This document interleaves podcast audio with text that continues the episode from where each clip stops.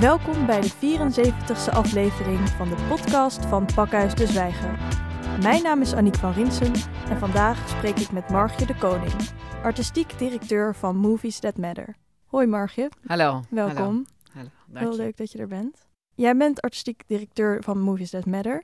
Eerder was je onder andere hoofdredacteur documentaire bij de Evangelische Omroep. Kan je vertellen wat het werk als artistiek directeur bij Movies That Matter precies inhoudt? Ja, wat je, dat heeft natuurlijk een aantal facetten. Het eerste is dat we natuurlijk films vertonen op het festival, maar ook jaar rond. Dus als artistiek directeur uh, heb je de ongelofelijke luxe om uh, hele mooie films die ertoe doen. Hè. Ze hebben altijd een mensenrechten thema, dichterbij of verder weg. Binnen de documentaire of de uh, fictiewereld kies ik films uit. Samen natuurlijk met een team.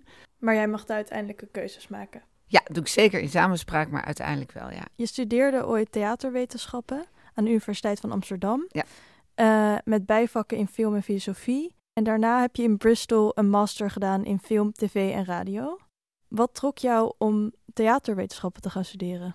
Nou kijk, het is zo gelopen. Ik wilde eigenlijk actrice worden en ik kom uit een beetje wetenschappelijke familie. Ik dacht, nou, ik ga maar eerst naar de universiteit en dan blijf ik altijd wel acteren. En toen ging ik meer de regiekant op. En toen voor mijn scriptie ging ik, in, uh, uh, ging ik in Engeland studeren, kort. In die tijd was er geen Erasmus. Ik ben eerst een half jaar bezig geweest fondsen bij elkaar te schrapen om daar te kunnen studeren. En toen heb ik me aangemeld voor deze filmopleiding. En toen was dat nog wel, nou ja, weet je wel, 700 aanmeldingen, 12 geplaatst. Dus het was best een dingetje, maar dat is gelukt. En toen maakte ik de eerste opdracht, was een korte documentaire. En toen heb ik nooit meer iets anders gedaan om de uh, de schoonheid van cinema, waarvan ik hou van beeld met taal en geluid, vind ik prachtig om naar te kijken. En dan over echte onderwerpen waar je dus journalistiek in kan verwerken. En ik heb eigenlijk altijd, hè, daarna heb ik twaalf jaar documentaires gemaakt, altijd uh, social issues gedaan. Echt eigenlijk alleen maar omdat um, film is een ongelooflijk uh, sterk middel om een gesprek aan te jagen of om te troosten. Ik uh, heb heel lang ben ik uh, voor bij dat ik bij de EO werkte, was ik hoofdredacteur en mededirecteur van de Icon. En daar was het grote motto: ooit kan televisie troosten. Dat is daar bedacht. De eerste talkshow, dat kan je nu niet meer indenken. Ik kom daar vandaan. Dus film is een medium waar je mensen kan raken. Je kan ze uitdagen tot nieuwe gedachten. Dat doe je natuurlijk iets meer bij Movies That Matter. Maar ook om mensen te troosten in de situatie waarin ze zitten. En um, daar is film een fantastisch medium voor. En ook heel effectief. Je zegt dus eigenlijk, film is een heel sterk middel. Maar als je nu kijkt dat jij dus in eerste instantie vanuit theaterwetenschappen bent gekomen, wat zijn dan dingen die je daarvan hebt meegenomen, denk je? Nou, wat heel bijzonder was, is um, je, je, krijgt natuurlijk in feite cultuurgeschiedenis met focus theater. Dus het is heel interessant om te zien in de verschillende eeuwen en de verschillende tijden wat voor verhalen er werden verteld. En die hadden heel vaak een reflectie op wat er in de maatschappij gebeurde. Dat trok mij persoonlijk ontzettend aan. En wat het mij uh, later natuurlijk heeft gegeven. Hè, ik ben een ontzettende Shakespeare-gek. vind ik fantastisch. Vanwege zijn dramaturgie. Dus hoe vertel je een verhaal? Uh, hoe zijn de turning points? Wat is, hoe is de protagonist? Hoe is de antagonist? Wat is de premisse van een film? Ja, daar heb ik een soort. Dat verhalen vertellen vind ik heel, heel bijzonder. En dat, dat komt in iedere film overal terug. Of je nou een één minuut film maakt of een film van anderhalf uur. Er zal een begin, midden, eind in moeten zitten. Je hebt tegenpolen, je hebt protagonisten, antagonisten. Uh, een premisse, hè, een vraag aan het begin, waardoor ik als kijker denk: ik wil met u of met jou op reis deze anderhalf uur in deze film. En uh, daar heeft theaterwetenschappen mij tot de dag van vandaag in geholpen. En daarnaast heeft het je geleerd door in de geschiedenis van theater en ook film, hè, want wij krijgen natuurlijk ook de hele filmgeschiedenis mee. Die is natuurlijk veel jonger dan logischerwijs dan de theatergeschiedenis. Leer je extreem veel journalistiek eigenlijk, vind ik. Kan je dat uitleggen? Wat dat betekent is dat als je een toneelstuk leest van, van, van de Grieken. Mm of je leest Shakespeare, of je leest Ibsen, of je leest Brecht. De inhoud vertelt iets over die tijd. En als het heel goed verteld is, dan overstijgt het zijn tijd. Ja. Dus je, je leest het op het niveau van, oh, zo was het in die tijd. Maar het Mhm. raakt thema's aan die voor ons net zo hard gelden als eh één eeuw, twee, drie, meerdere eeuwen geleden. Ja, dat vind ik dus fascinerend. Ik had ook anders graag cultuurfilosoof willen worden als ik niet dit was. Ik vind die be- bestuderen van de mensheid en het menselijk gedrag heel bijzonder om te doen. Om me daarmee bezig te mogen houden. Want je hebt wel een aantal vakken dus ook in filosofie eh, gedaan. En toen ben je overgestapt naar film. En wat voegden die vakken dan toe voor jou? de analyse van wat er in de maatschappij gebeurt. En daarvoor heb je veel kennis nodig. Om te snappen waarom mechanismen werken zoals ze werken. Waarom eh mensenrechtenverhalen in de wereld, eh, hoe die in elkaar zitten. Wat de geschiedenis daar- daarvan is. Wat is de achtergrond daarvan. En dat leer je door filosofie. Dat leer je door heel veel theaterstukken lezen en, en zien. Dat leer je door films kijken, dat leer je door de kranten lezen. Dat leer je natuurlijk gewoon door alles in je opnemen qua informatie wat maar mogelijk is.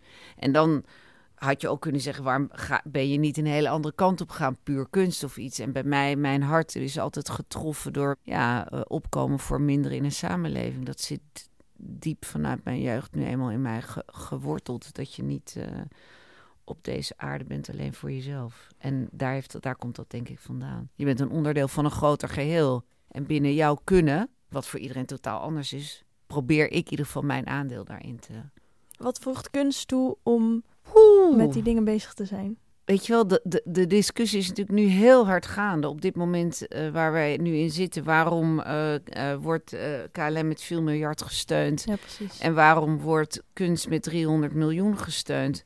Ik begrijp best dat de KLM eh, met 4 miljard wordt gesteund. Ik bedoel, wat ik er verder van vind, doet er niet zo toe. Maar ik snap dat wel economisch gezien. Maar wat ik, dat heb ik al eerder in eerdere kabinetten ook niet zo heel erg goed beg- begrepen. Eh, daar hoor je natuurlijk iedereen continu over spreken. Waarom kunst juist nu zo belangrijk is. Omdat het mensen ontspant. Heel simpel. Het geeft mensen nieuwe inzichten. Het helpt mensen een ander mens te begrijpen. En niet op het niveau van hé, je, moet eens, eh, je moet eens even op die letten. Nee, het, het, door die abstractieniveau die kunst met zich meebrengt vaak. ehm, creëer je begrip voor die andere mens. En daarvoor is kunst ja, in heel veel facetten heel belangrijk, denk ik. A- abstract leren denken doe je door kunst. En door je abstract te denken ehm, reken je mensen niet zo feitelijk iets aan. Kan je beter vergeven uiteindelijk. Vind ik altijd een heel mooi woord, vergeving. Ehm, en ik denk dat kunst daar een ontzettend grote bijdrage aan levert. Terwijl je dat misschien niet in eerste instantie denkt als je naar een schilderij kijkt of naar muziek luistert of naar theater gaat of een film. Maar het resoneert na en het kan je gedrag, en dan hoop ik natuurlijk altijd ten positieve beïnvloeden ten aanzien van een ander mens. Kan je uitleggen wat dan precies de rol is van, van die abstractie? Nou ja, kunst is ook abstract. Meestal is kunst niet letterlijk. Weet je wel, ehm, ik heb thuis een eh, stoel staan die moe is. Dus we hebben een stoel. Mensen denken dat ja, een rare stoel. Dat is een stoel, daar zijn de achterpoten half van omgeklapt. Dus hij moet slapen. Het is een totaal nutteloos object in ons huis. Een stoel die slaapt. Zo heet het ook, de stoel die slaapt. Dat is abstract. Dus ik denk, ja, wat moet ik ermee? Mhm. Maar het zegt, als je daarover doordenkt, een stoel die ook wel eens moe is, de mens is ook wel eens. Nou, dan kan je, kan je een heel verhaal achter bedenken. En over die abstractie gaat. En ik krijg de ruimte als kijker of als publiek om mijn verhaal ermee te maken. Als ik naar een puur journalistiek verhaal kijk, dan neem ik die informatie in me op en dan denk ik, ja, het is heel erg, niet erg. En kunst maakt dat ik iets zie, ik interpreteer het, ik vertaal het naar, naar waarschijnlijk naar mijn eigen verhaal, emotie, gedachtes en neem dat weer mee met en, en, en heb daar weer een gesprek over met een ander. Na je studie eh, regisseerde jij een aantal documentaires, Zeker. onder andere voor de BBC, maar ook verschillende Nederlandse omroepen. Zeker. Ehm, wat maakte dat jij de stap naar documentaire maakte en niet bijvoorbeeld theater bent gaan maken of fictiefilm? Ja, ehm, ik heb ehm, de overstap van theater naar eh, film is gegaan. Want ik dacht dat het. Ik blijf in dat kleine circuit. En ik merkte dat eh, met film kan je met zoveel mensen communiceren. En de precisie daarvan met het beeld, ik, eh, monteren, daarmee ook weer eigen verhaal van maken. Daar raakte ik aan verslaafd. Net zo'n beetje als je verliefd wordt. Terwijl ik altijd verliefd was op theater. En ik maakte mijn eerste documentaire met een toen, dat is echt heel lang geleden, want ik ben nu 56 en dat was toen ik 26 was. Met een, eh, uit mijn hoofd, een Nigeriaanse mevrouw die net in Bristol woonde. En daar had ik een interview en hoe ze daar dan leefde. En ik, ik dacht, ja, hier kan dus niks tegen op. Daar kan geen theaterverhaal voor mij, hè, want dat, nu worden theatermakers denken, oh, wat zegt die vrouw?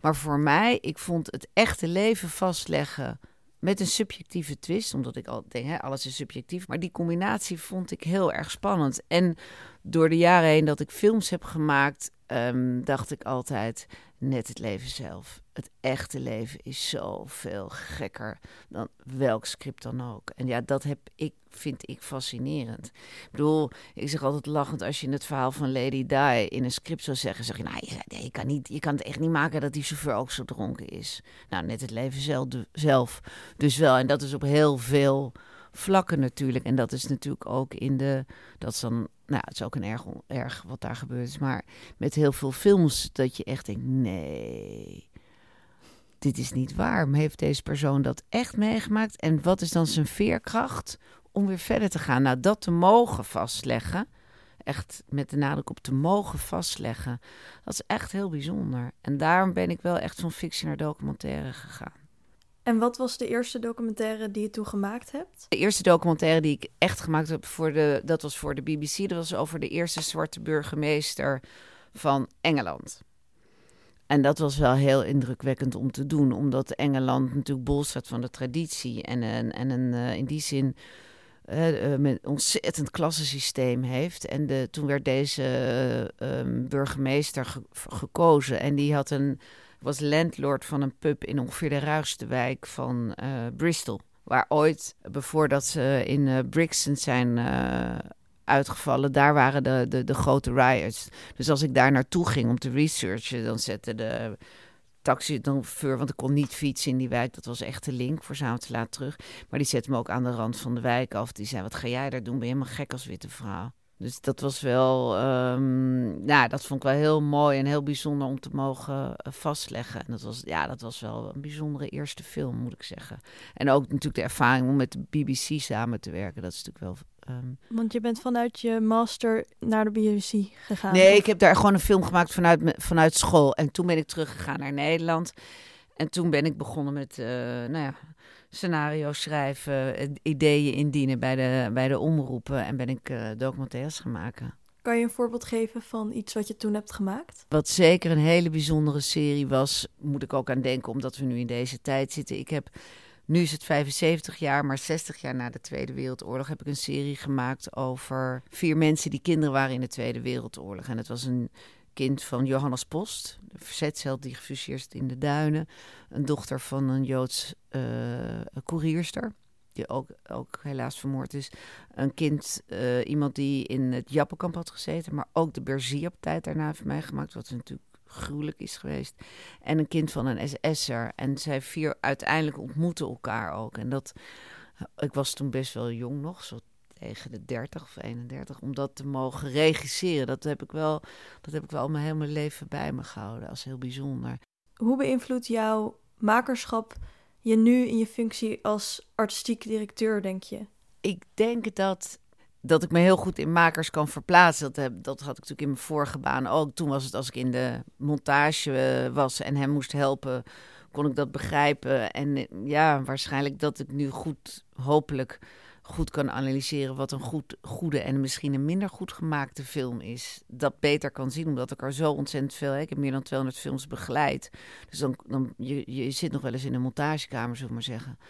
Dus dat je hopelijk kwaliteit goed kan herkennen. En ook, ook kan zien waar we nu... We hadden daar nu een uh, industry panel voor ge, gecomponeerd Ehm, hoe zwaar het is om met name mensenrechtenfilms te maken. Omdat je ontzettend vaak als filmmaker in hele ingewikkelde situaties zit. En daar zal ik, nou, misschien, weet ik niet zeker. Ik denk andere artistiek directeurs ook. Maar daar heb je natuurlijk wel echt oog voor, omdat je zelf veel, veel achter de camera hebt gestaan. De focus bij Movies That Matter ligt op mensenrechten Absoluut. en het behoud van onze planeet. Yes. Het is best begrijpelijk, want dat zijn ook best wel prangende thema's in deze tijd. Kan je misschien wat meer over de ontstaansgeschiedenis van Movies That Matter vertellen en Of dit altijd al de thema's zijn geweest? Ja, dat zijn zeker altijd de thema's geweest. Ik denk environment is er wat later uh, pregnanter bijgekomen. Maar het is ontstaan uit Amnesty International.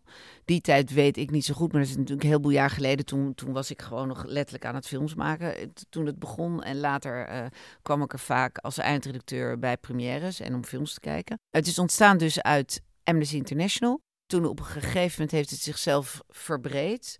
Toen heeft het de stap gemaakt van nou, in, A, in Amsterdam zijn ontzettend veel festivals. Daarnaast is Den Haag een logischere plek voor ons. Omdat de soort films die wij doen, die zijn natuurlijk heel politiek. Hebben vaak een hele politieke uh, lading ook. En hoe interessant zou het zijn als wij... We hebben een activist-programma. De activisten die in de hoofdpersoon zijn in de film... komen ook altijd naar het festival. En die nu hadden ze ook bijvoorbeeld een, een gesprek met de minister. Dus het is dan veel logischer om in Den Haag te zitten. En waarom vertel ik dat? Met het gaan naar Den Haag is het festival veel uh, groter geworden. En inmiddels zijn er natuurlijk vele partijen die ons mede ondersteunen om het festival mogelijk te maken. Dat is inmiddels Amnesty International is een hele belangrijke partner voor ons. Uh, maar er zijn natuurlijk ook andere partners heel belangrijk. Uh, Fonds 21, uh, 1818, V-fonds zijn natuurlijk een heleboel andere fondsen die ons ook inmiddels ondersteunen. En hoe kwam het dan dat vanuit Amnesty International het idee is ontstaan om een filmfestival ik ben voorzichtig, want ik, heb het, ik was niet bij, de, bij het ontstaan. Maar um, iedereen herkent dat, erkent en herkent dat film een belangrijk gereedschap is of middel is uh, voor aanzet tot debat. Of aanzet tot openen van ogen. Aanzet tot op een andere manier naar de werkelijkheid kijken. En, en alle eh, facetten die ik net heb genoemd van uh, begrip, vergeving, uh, acceptatie. En uh, Amnesty International, ja, vind ik echt een fantastische organisatie die zich daar natuurlijk heel hard voor inzet. En zij zagen dat film je daarin kan helpen. Ja, want er is er ook een onderzoek bij de Erasmus Universiteit geweest die, die heeft uitgewezen dat van alle kunstvormen film het meeste impact heeft. Ja, zeker. Maar als film dus het meeste impact heeft, kan het dan ook verandering teweeg brengen? Soms doet het dat. Heb je daar bijvoorbeeld een voorbeeld van? Vorig jaar, eh, daar waren we met elkaar uh, super trots op. Vorig jaar was er een activist uit Colombia. Daar heeft een pastoor wilde een vredesmissie opzetten in zijn dorp. Door reconciliation te, te bewerkstelligen. Dus vergeving te bewerkstelligen tussen ex-vark soldaten en mensen in het dorp. Want wat was er gebeurd? Die, die mensen waren, die kind, waren toen nog kindsoldaten, waren weggegaan naar de bergen die hebben, ik weet ik wat gedaan. Er zijn natuurlijk ook dingen misgegaan binnen dat dorp, mensen overleden, et cetera. En hij dacht, het is nu de tijd om die partijen bij elkaar te brengen. En daar heeft een Nederlandse regisseur een film over gemaakt. Die heet Onverharde Weg naar Vrede. De film ging bij, bij Movies met de vorig jaar in première. Dat zagen NGO's, buitenlandse zaken, dat zagen partijen in Den Haag. Deze pastoor was ook in Den Haag en kreeg een heel programma uh, met impact en van alles. En met allerlei partijen om daarover te praten. De buitenlandse zaken, die hebben in Bogota de mensen daar van de ambassade uh, ingelicht. En uiteindelijk hebben ze een. Oh ja, en ik moet ik bijvertellen, vlak voordat hij naar Den Haag kwam, werd hij met de dood bedreigd. Omdat mensen vonden dat dit echt niet kon. En toen hebben ze een financiering op poten gezet en een voetbalwedstrijd georganiseerd tussen die partijen. De film heeft in Bogota een grote prijs gewonnen. En daarna werd hij de held. En is dat proces op gang gekomen. Dus dat is een hele mooie manier. En zo zijn er meer manieren uit het verleden. waarop uh, iemand geïnspireerd is door een activist. wat die ze doen, dat ga ik ook doen. En ik ga proberen voor peacekeeping. Uh, um, Mooi. me in te zetten. Het kan ook troosten. Ik herinner me dat ik toen de, de, de, de, de, serie waar ik net over vertel. En dan ging ik altijd zelf aan de telefoon zitten. Het was echt een andere tijd, het was 96. En dat iemand, mij, dat iemand belde naar aanleiding van de uitzending en zei: um, Ik ben een moffenhoer. En jij bent de eerste aan wie ik het vertel. En dat, ja, dan, dan um, ik, en ik heb er altijd onder geleden en ik heb het nooit aan iemand durven vertellen. Maar nu zie ik jullie serie over de Tweede Wereldoorlog en dan moet ik erover praten. Ja, dat vind ik wel behoorlijk indrukwekkend. Ja. Dat dat gebeurt. Kan het dan ook zijn dat uh, dat het troostend is dat je weet, als het jouw verhaal is dat verteld wordt, dat je weet dat veel mensen dat zien. En, uh... Ik denk dat dat een reden is waarom om mensen mee kunnen doen aan een documentaire. Als het integer gebeurt. Ik heb vrij veel problemen met. Uh, hè, bij de Icon hebben ze dus ooit de, de, de, talkshow opgezet om te praten over emotie. En hebben het over de jaren zeventig of zo met Wim Nijman. Echt heel, heel lang geleden.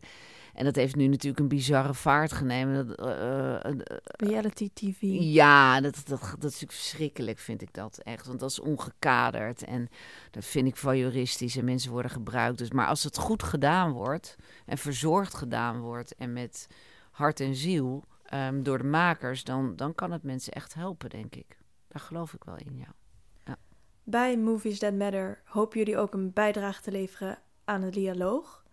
En als je nu naar je takenpakket als artistiek directeur kijkt, wat zijn dan de concrete stappen die jij onderneemt om die dialoog in gang te brengen?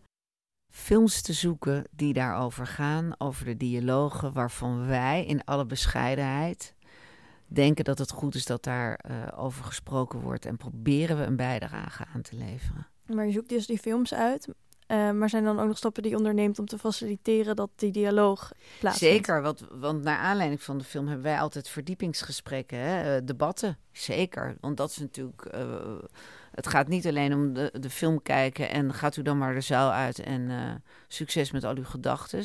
We proberen wel mensen daarna in een gesprek over die gedachten te spreken en over die meningen te spreken. En, en publiek de gelegenheid te geven daarover te praten. Met de filmmakers, met de, de gasten die we uitzoeken die veel over dat onderwerp weten. En wat is het belangrijkste daarbij uh, bij het vormgeven van zo'n plek om te praten, denk je? Veiligheid is heel erg belangrijk. Dat uh, met name de, als er hoofdpersonen zijn, dat die zich veilig kunnen voelen. De makers. Ook goed dat je verschillende meningen hebt. Dat het niet, uh, zoals dat uh, ouderwets heet, preken voor eigen parochie is. Ik denk dat dat ook heel belangrijk is. Dat je als festival durft verschillende visies aan te dragen naar aanleiding van een film. En dat doe je door middel van de soort gasten die je kiest om over de film te praten. Je doet het ook door, voor doelgroepen. Onze educatieprogramma is gigantisch groot. Wij bereiken bijna 200, of 170 tot 180.000 leerlingen per jaar. Daar doe je dat ook. Hè. Dus je kijkt naar een film en dan met een moderator praten met, met, met, met, met, met de leerlingen. En iemand die iets het verhaal heeft meegemaakt. Of, hè, dat, dat is dan natuurlijk niet altijd dat de filmmaker wordt ingevlogen het hele jaar door. Dat kan niet. Maar uh, wordt er gesproken over, over dat onderwerp. Maar hoe, hoe kan je die veiligheid creëren? Of hoe creëer je veiligheid?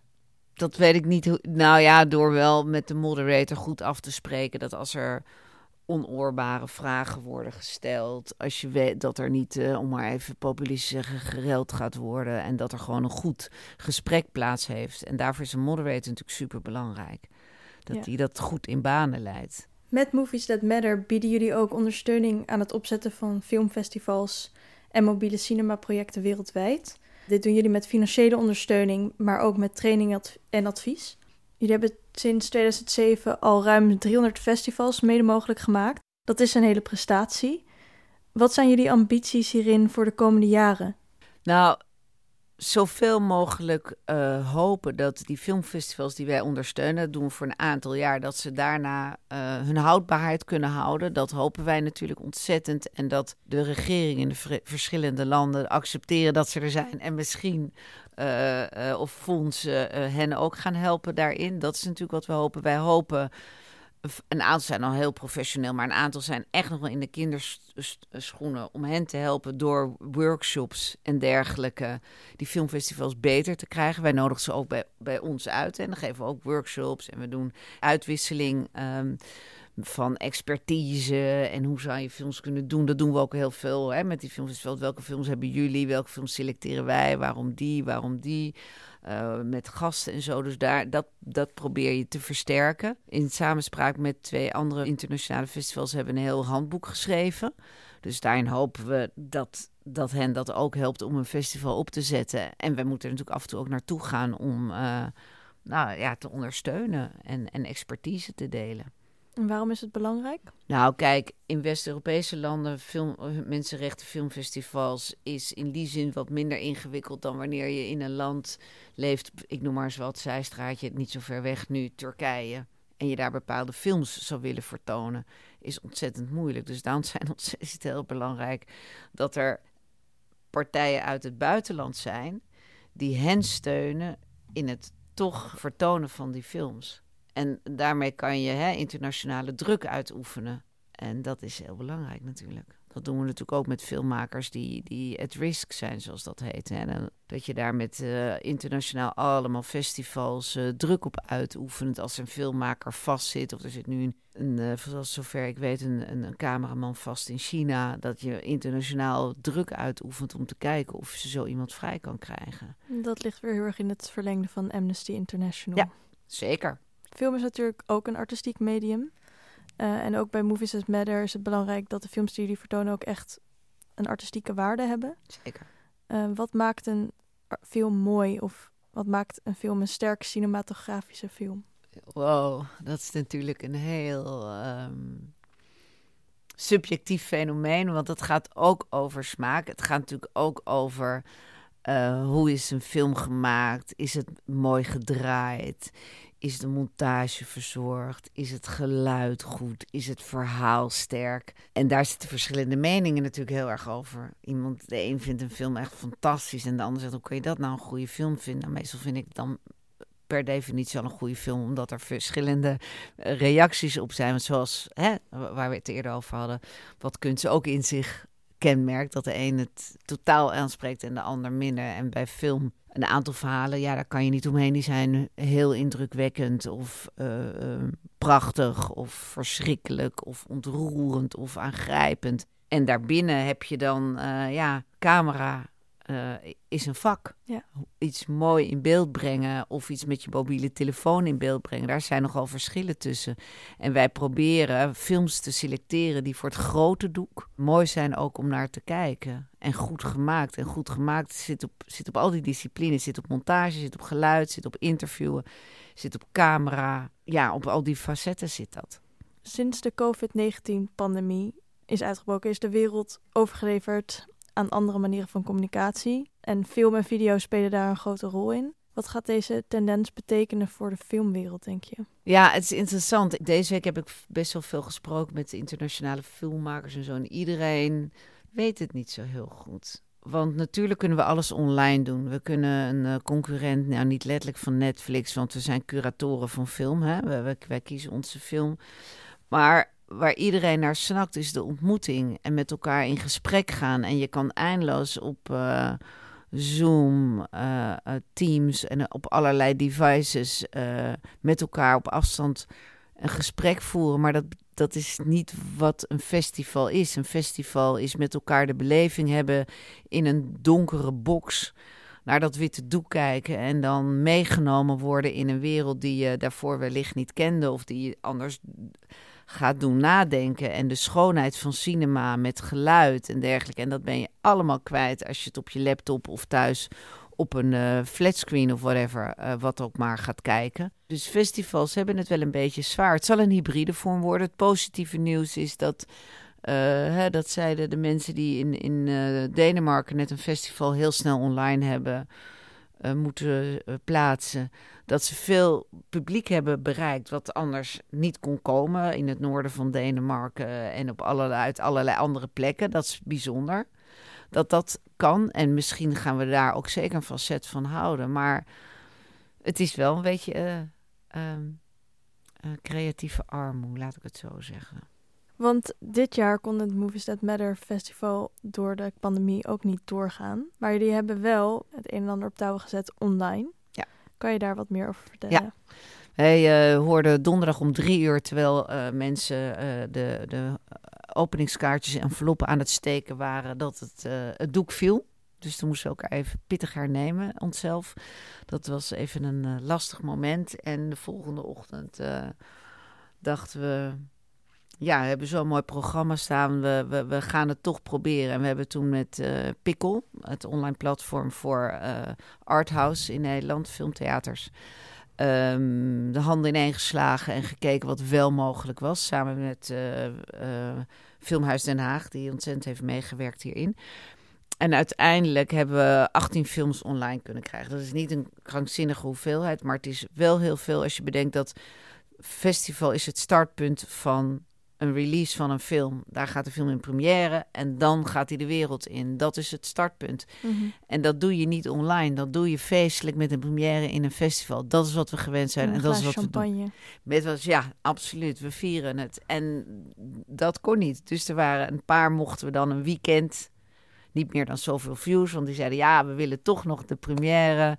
Er waren natuurlijk heel veel internationale films die zeiden nee, dat willen we niet bij jullie, want we willen nog naar Cannes en we willen nog naar allemaal andere festivals. Ja, dat is niet gebeurd, helaas. Maar wat wel heel bijzonder was, is dat de films die we wel hadden, daar hebben we met alle regisseurs interviews gemaakt via Skype. Die kon je kijken, dus dan kreeg je toch een beetje dat achtergrondgevoel wat wij zo Mhm. graag willen bij Movies That Matter. Dus dat lukte. En we hebben alle competities kunnen door laten gaan. Behalve natuurlijk de Audience Award. Dat lukte niet. Maar eh, de publieksprijs lukte niet. Maar eh Activist-programma is gelukt in samenwerking met Amnesty International. Eh, Dutch Movies Matter in samenwerking met VFAM en eh Camera Justitia eh, hebben allemaal doorgang kunnen laten vinden. Dat is wel fantastisch dat dat gelukt is. Met juries van over de hele wereld. Die, Mooi. Ja, dat was echt bijzonder. Ja. En op de website van Pakhuis de Zwijger zijn ook een aantal films te zien. Ja. En we gaan ook vier dinsdagen in gesprek over die films. Ja. Eh, zou je wat meer kunnen vertellen over de films? Ja, zeker. Heel graag. De eerste film is Little Germans. Ehm, die zit in het programma van 75 jaar eh, vrijheid. Hadden wij hem geselecteerd. Dat is een best wel controversiële film. Die gaat echt over hoe rechtsextremisme, nazi, hoe dat, hoe, hoe dat mechanisme zou kunnen werken. En het is verteld aan de hand van de getuigenissen van één vrouw... die als klein meisje door haar grootvader op deze manier is opgevoed. Zij zelf daarin ehm, ook opgroeit, kinderen krijgt... en dan op een gegeven moment gaat het mis. En eh, dat haar verhaal is verteld, dat vind ik een hele mooie vorm... in echt heel goed gemaakte animatie. En je hoort haar daar spreken. En daarnaast interviews met mensen die in deze tijd, nou, de- de- deze sentimenten voor een groot deel aanhangen.